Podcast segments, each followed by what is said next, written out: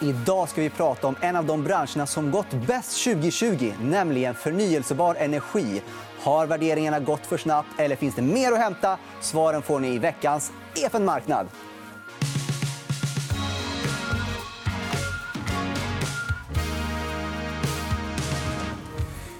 Ja, det är inte första gången vi tar upp det här ämnet. Och de gångerna vi gjort det tidigare så har ju du varit med, Patrik Lindqvist. Varmt välkommen tillbaka. ska sägas. Tack så mycket. Du var ju med precis när corona eh, var hett. Och en av de första som inte hälsade i hand utan gjorde den här coronahälsningen som vi vant oss vid. Men det känns lite lugnare nu. Ja, lugnare. Det är fortfarande en utmaning. tycker jag. Ja, ja, men på jobbsidan? Så... Jobbsidan, absolut. Det funkar. Absolut, det funkar bra. Men... Eh corona är väl fortfarande en grej som vi får ta på allvar. Men idag tänkte jag att vi börjar med, eh, vi börjar med basic i alla fall innan mm. vi går vidare till det finansiella. Din fond heter Hållbar energi. Okay, hållbar energi. Vad konkret eh, ingår i det och vad gör de företagen bland de som Just. du investerar i? Ja.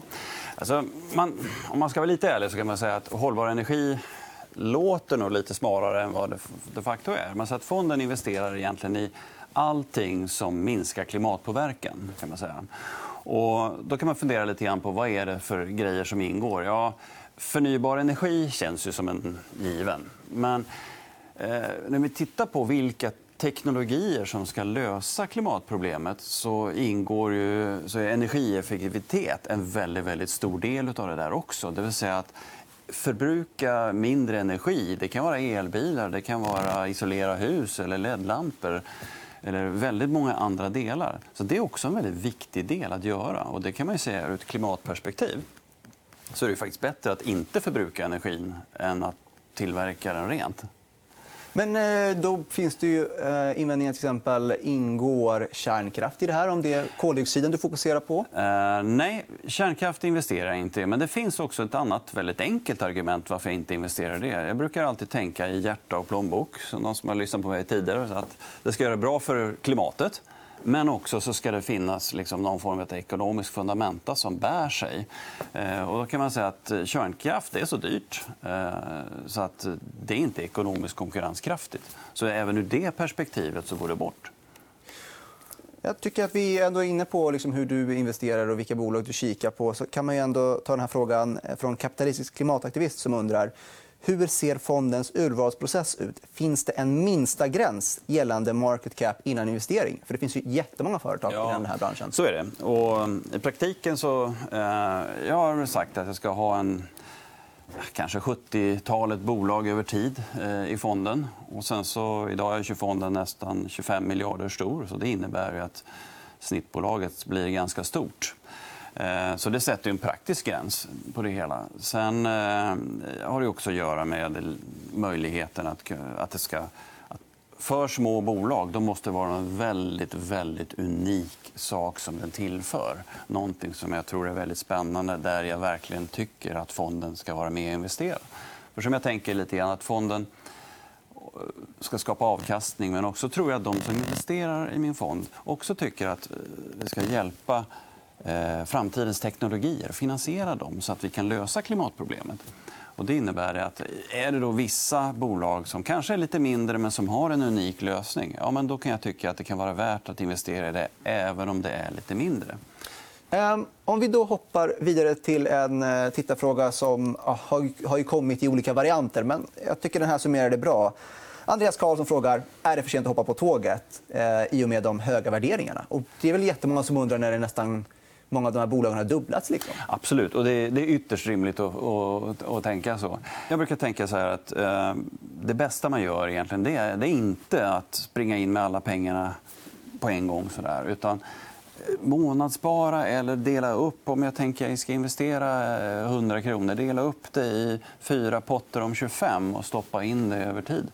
Om jag visste exakt hur börsen skulle röra sig och fonden skulle röra sig så vore det fantastiskt. Men, eh, men det är för att det är mycket volatilitet? Då? Det är en volatilt. Det är det. Men, och jag tycker överlag man ska diversifiera i vad man äger men även över tiden och tänka långsiktigt. Menar, det här är det perfekta området att tänka långsiktigt. Den ska växa i 25 år och det måste växa. Sen kan man tänka sig, ja, men vad händer just nu? Då, då kan jag tänka de senaste fem, sex månader så har det faktiskt hänt rätt mycket spännande grejer. Vi har ju då EU som gick ut med sin Green Deal.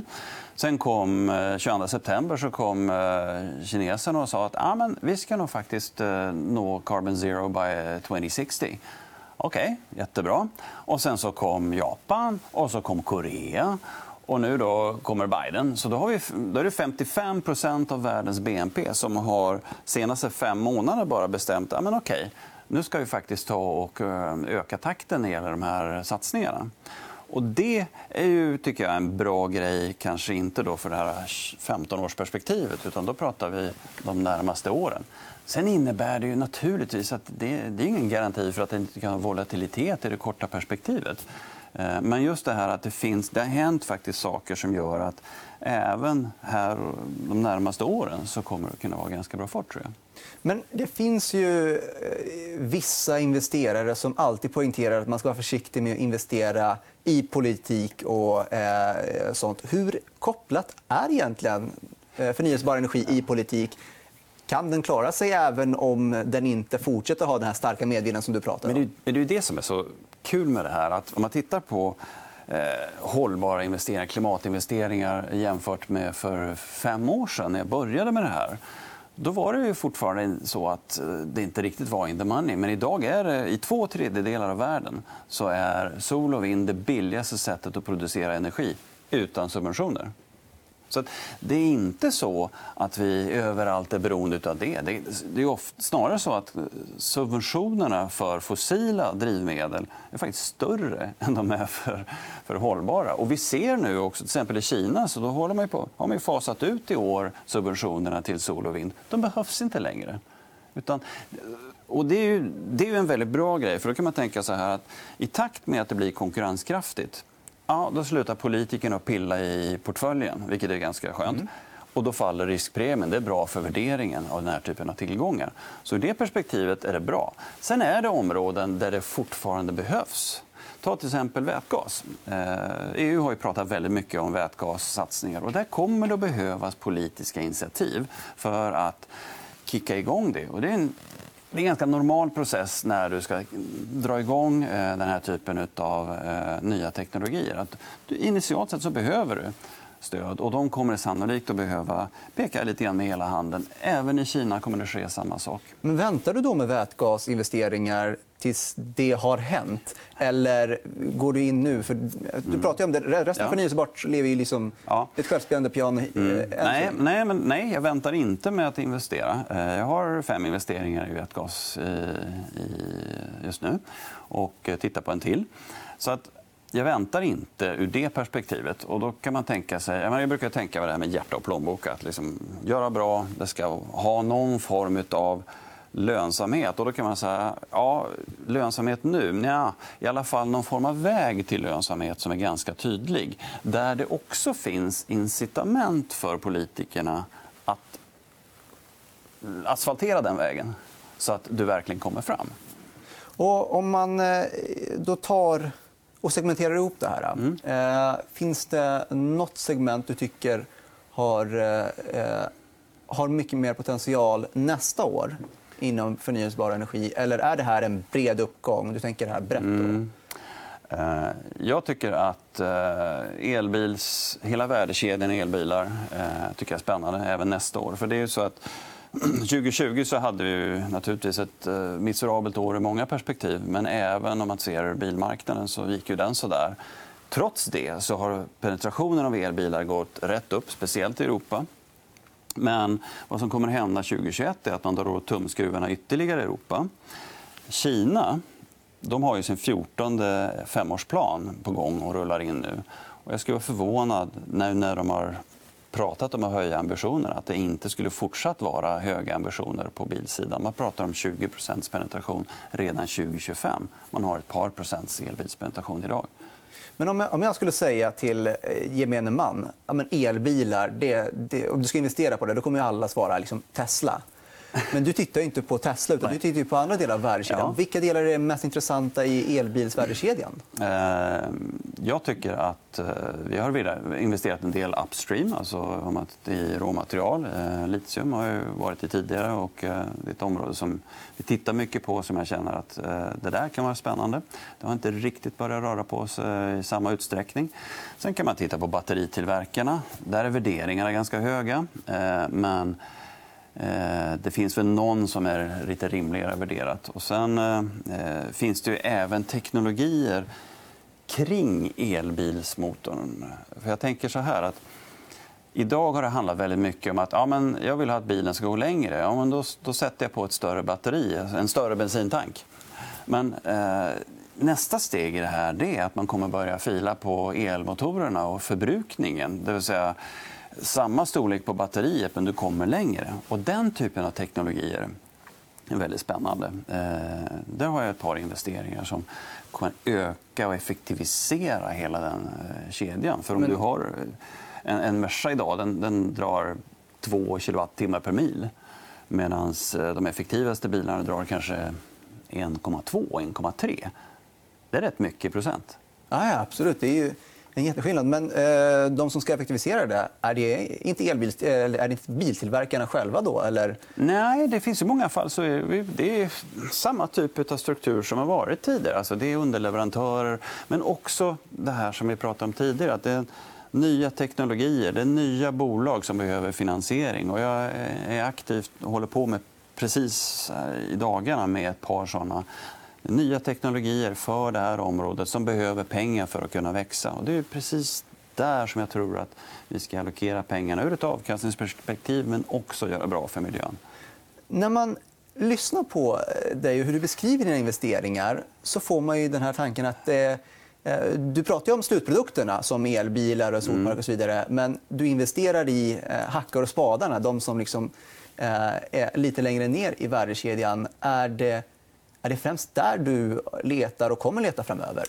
Det var ju många som blev rika på hackar och spadar i Klondike. Eh, men jag tänker... Eh, I många fall är det så. Eh, alltså, jag jobbar rätt mycket och tänker kring vad du har för konkurrensfördelar, hur du kan bibehålla din konkurrens, hur du kan skapa teknologier, men också teknologirisker. Och det, det tror jag är viktigt. Men sen fördelen om man tittar i slutet på värdekedjan då har du en, en viktig, viktig grej. Det har att göra med varumärke. Alltså, klimat och varumärke börjar vara samma sak mer och mer. Alltså, företagen är otroligt måna om att visa att amen, vi är faktiskt klimatfokuserade. Vi tar den här frågan på allvar. Precis som alla eh, privatpersoner mer och mer gör det. Vi är mycket eh, långt framme här i Norden. Men eh, det finns ju också lite grann den där effekten att eh, vem vill inte vara hållbar? Den kommer att driva rätt mycket. Så då kan man börja fundera i vissa fall. Slutprodukter som de facto är hållbara. Kan jag investera där? Men jag måste hela tiden komma tillbaka till klimatnytta. Eh, och tidigare i eh, FN Marknad så hade vi eh, exempel Bolidens vd som pratade mm. om att det finns ju många mineraler som behövs för de här elbilarna och den här revolutionen som sker. Eh, det hämtar man ju från eh, Kongo eller andra mm. länder där det finns etiska aspekter. Ja, Samtidigt så finns många av de här mineralerna här i Sverige men det är svårt att få gruvtillstånd att faktiskt öppna nya gruvor här i Sverige. Så vidare. Mm. Men mm. skulle man börja nosa i det... för EU har ju börjat prata om att man ska bli mer självförsörjande med gröna metaller. Mm. Skulle det kunna vara relevant även för dig och dina investeringar att kika på eh, europeiska eller kanske svenska gruvbolag? Ja, men inte som en regionalpolitisk eh, statement av något slag. Eh, utan snarare som att det finns en, eh, faktiskt, man, återigen hjärta plånbok, att det finns faktiskt economics i det. Så att, jag, jag tänker så här att det är klart att i vissa fall... Men vi, har, man håller på, vi har en litiumgruva uppe i Finland, Keliber, som håller på och utvecklar där. Och det finns ett par tillgångar på den sidan. Det finns även andra jordartsmetaller som är intressanta.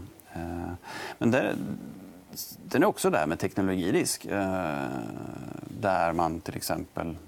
Jag, menar, jag har aldrig investerat i kobolt av etiska skäl men också eh, så tror jag att det är en, eller vet att det är en metall som är på väg bort.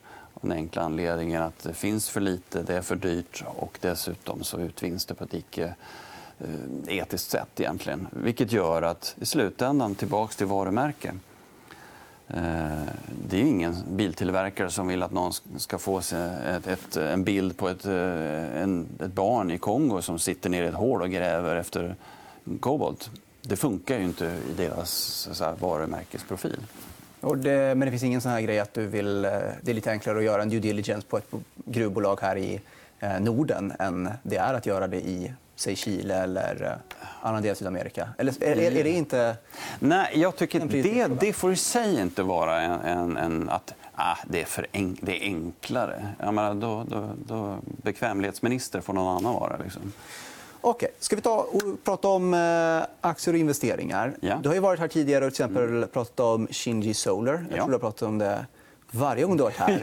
Ja, har du någon uppdatering på, på bolaget? På Shinji? Eh, vad ska vi säga? Ja, just nu så är det faktiskt så att... Jag har pratat om att det här är en, en intressant marknad också för att den är konsoliderad. Vi kan ta en snabb recap på vad de ja, gör. De gör solglas för att sätta på solpaneler. Och, eh, så tar de de pengarna och så bygger de solparker, enkelt uttryckt. Eh, och den här solglasmarknaden där, de är världsledare tillsammans med två, tre bolag till. Så en ganska konsoliderad marknad. Och nu har vi då under det här året sett en väldigt kraftig acceleration av efterfrågan på solmarknaden. Eh, både i Kina, USA men andra delar också. Och 2021 ser ut att växa väldigt bra. Eh, och det som har hänt då egentligen är att priserna på solglas har gått rätt upp i taket. För att kapaciteten är nu faktiskt nästan börjar vara ett problem. För vad som händer är att Historiskt sett så har man solglas på framsidan och så har du nåt eh, material på baksidan. Men nu börjar med vad som kallas bifacial, det vill säga att du har glas på framsidan och glas på baksidan. Det gör att mycket av strå... Och så sätter man panelen lite bredare emellan. Så då kan du alltså om du har sand under, ja, men då reflekterar sanden under och in och ger dig högre eh, effekt. Och det kan vara 10-15% högre effekt, vilket är enormt mycket över 20 års tid. Så att det har gjort att glasefterfrågan har ökat. Och det blir lite tajt just nu, så det är egentligen en begränsande faktor. Väldigt starka priser, stabila. och eh, Jag pratade i måndags med ett, bolag, ett kinesiskt bolag som eh, inte gör solglas. Då, men där de sa att ja, men det kan vara det som gör att vi kan vara en begränsande faktor i tillväxten nästa år. Men annars så brukar ju eh, kineser vara kända för att det där brukar man lösa. Manufacturing det är väl eh, deras USP. Ja. Kommer de inte kunna eh, utöka sin kapacitet till 2021? Precis. De har, precis. Just nu så har de eh, infört regleringar också. För, jag menar, glasindustrin överlag är ju solglas en väldigt, väldigt liten del. Utan det mesta är vanligt floatglass. Och där har de faktiskt infört en del begränsningar på hur mycket kapacitet man får bygga. Utan då handlar det snarare om att konvertera då float glass till solar glass. För det är inte riktigt samma grejer och processer. Mm. Det gör att eh, det är inte så lätt att bygga ny kapacitet. Men varför finns begränsningarna från början? Utsläpp. Alltså, glas är en varm process. och Jag tror att vi har pratat om det tidigare. Eh, för fyra, fem år sedan när jag började jobba med det här då tittade jag på Shinji Solar och så frågade man såna här externa hållbarhetsanalytiker. Men är det bra det där då? Och då säger ja, det där är inte bra. Typ det var 95 av 105 i sin kategori eller vad det nu var. Inget bra. Och då kan man fundera, ja, men vadå, det känns väl som en rätt bra business det där. Men då tyckte de, ja men det är en varm process och du, man brukar använda tung eh, heavy fuel oil, alltså tung diesel, för att eh, värma upp glaset och det släpper ut rätt mycket. Det första är att det här bolaget använder naturgas som släpper det är 30 min mindre än eh, utsläpp per energienhet. Men också att eh, man kanske inte riktigt tittade på hela processen.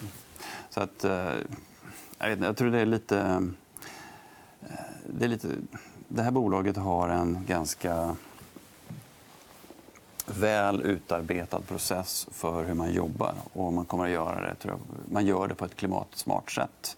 Sen så finns det alltid möjlighet att förbättra sig. Jag, menar, jag läste deras hållbarhetsredovisningen. Vi var med och tryckte igång den här vågen 1900, eller 2016. Eh, så kom deras första redovisning 2017. Det var inte så bra, men man ser att även de börjar förbättra sig. Och om man tittar i din portfölj så är det ju eh, två länder som dominerar. Det är Kina och där mm. har vi till exempel eh. Shinji Solar. Finns det nåt bolag i USA du vill lyfta fram? Oj, det finns jättemånga spännande ja. bolag. Eh, anledningen till, och man börjar där. Alltså, varför finns jag i Kina och i USA? En del investerar i developed markets bara. Jag brukar tänka så enkelt. Jag brukar ju prata om att koppla problemet, lösningen och fonden. Och problemet, var, är, var släpper vi ut? Jo, men det släpper, Kina är den största emittenten av koldioxid. Ja, då måste jag investera där. USA kommer på andra plats. Då måste jag vara där. Sen beror det lite grann på vilka teknologier man har. och Man kan ju alltid exportera grejer. och så där. Men för att komma tillbaka till frågan. I USA, jag tycker ett spännande bolag som eh, finns en, en, en peer här i Norden det är ju ett bolag som heter Darling Ingredients. Eh, och, eh, en första anblick kan det verka udda att äga det. Eh, mat och... Vad den hette? Darling Ingredients. Vad de gör och har gjort väldigt lång tid det är att de samlar in eh, ta, fett från eh, McDonalds-fritösen och eh, det är någon gammal död kossa och sånt där. Och utvinner och återvinner de fetter som finns där. Sen har man då ett JV med Valero där man gör åter, förnybar diesel. Så att man, man helt enkelt jobbar med återvinning och gör förnybar diesel. Eh, det är ett område som eh, på grund av regleringar i många marknader växer efterfrågan väldigt, väldigt kraftigt. Och det som är intressantast egentligen det är ju det som kallas sustainable air fuel. Det vill säga eh, att du kan använda det här och konvertera den till flygbränsle. Och eh, Vätgas kanske kommer på sikt. Boeing, eller Airbus har börjat titta på det där, men det är en bit fram. Innan dess så tror jag det här är ett sätt att försöka lösa det hela med just eh, så att säga, biobränsle i tanken. Och det här bolaget är aktivt i det. De är konkurrenter till Neste som finns i, i Finland. Vi äger inte Neste av den anledningen att de har eh, fossila verksamheter också. Det har inte Darling på samma sätt. Och, eh, dessutom så tror jag en nyckel kommer att vara råvaran. Att få tag i insatsvarorna till att göra förnybar diesel. För det kommer att växa väldigt fort. Och där är Darling väldigt väl positionerad. Och om man eh, nu ändå ska runda av så var det inte jättelänge sedan det var ett val i USA.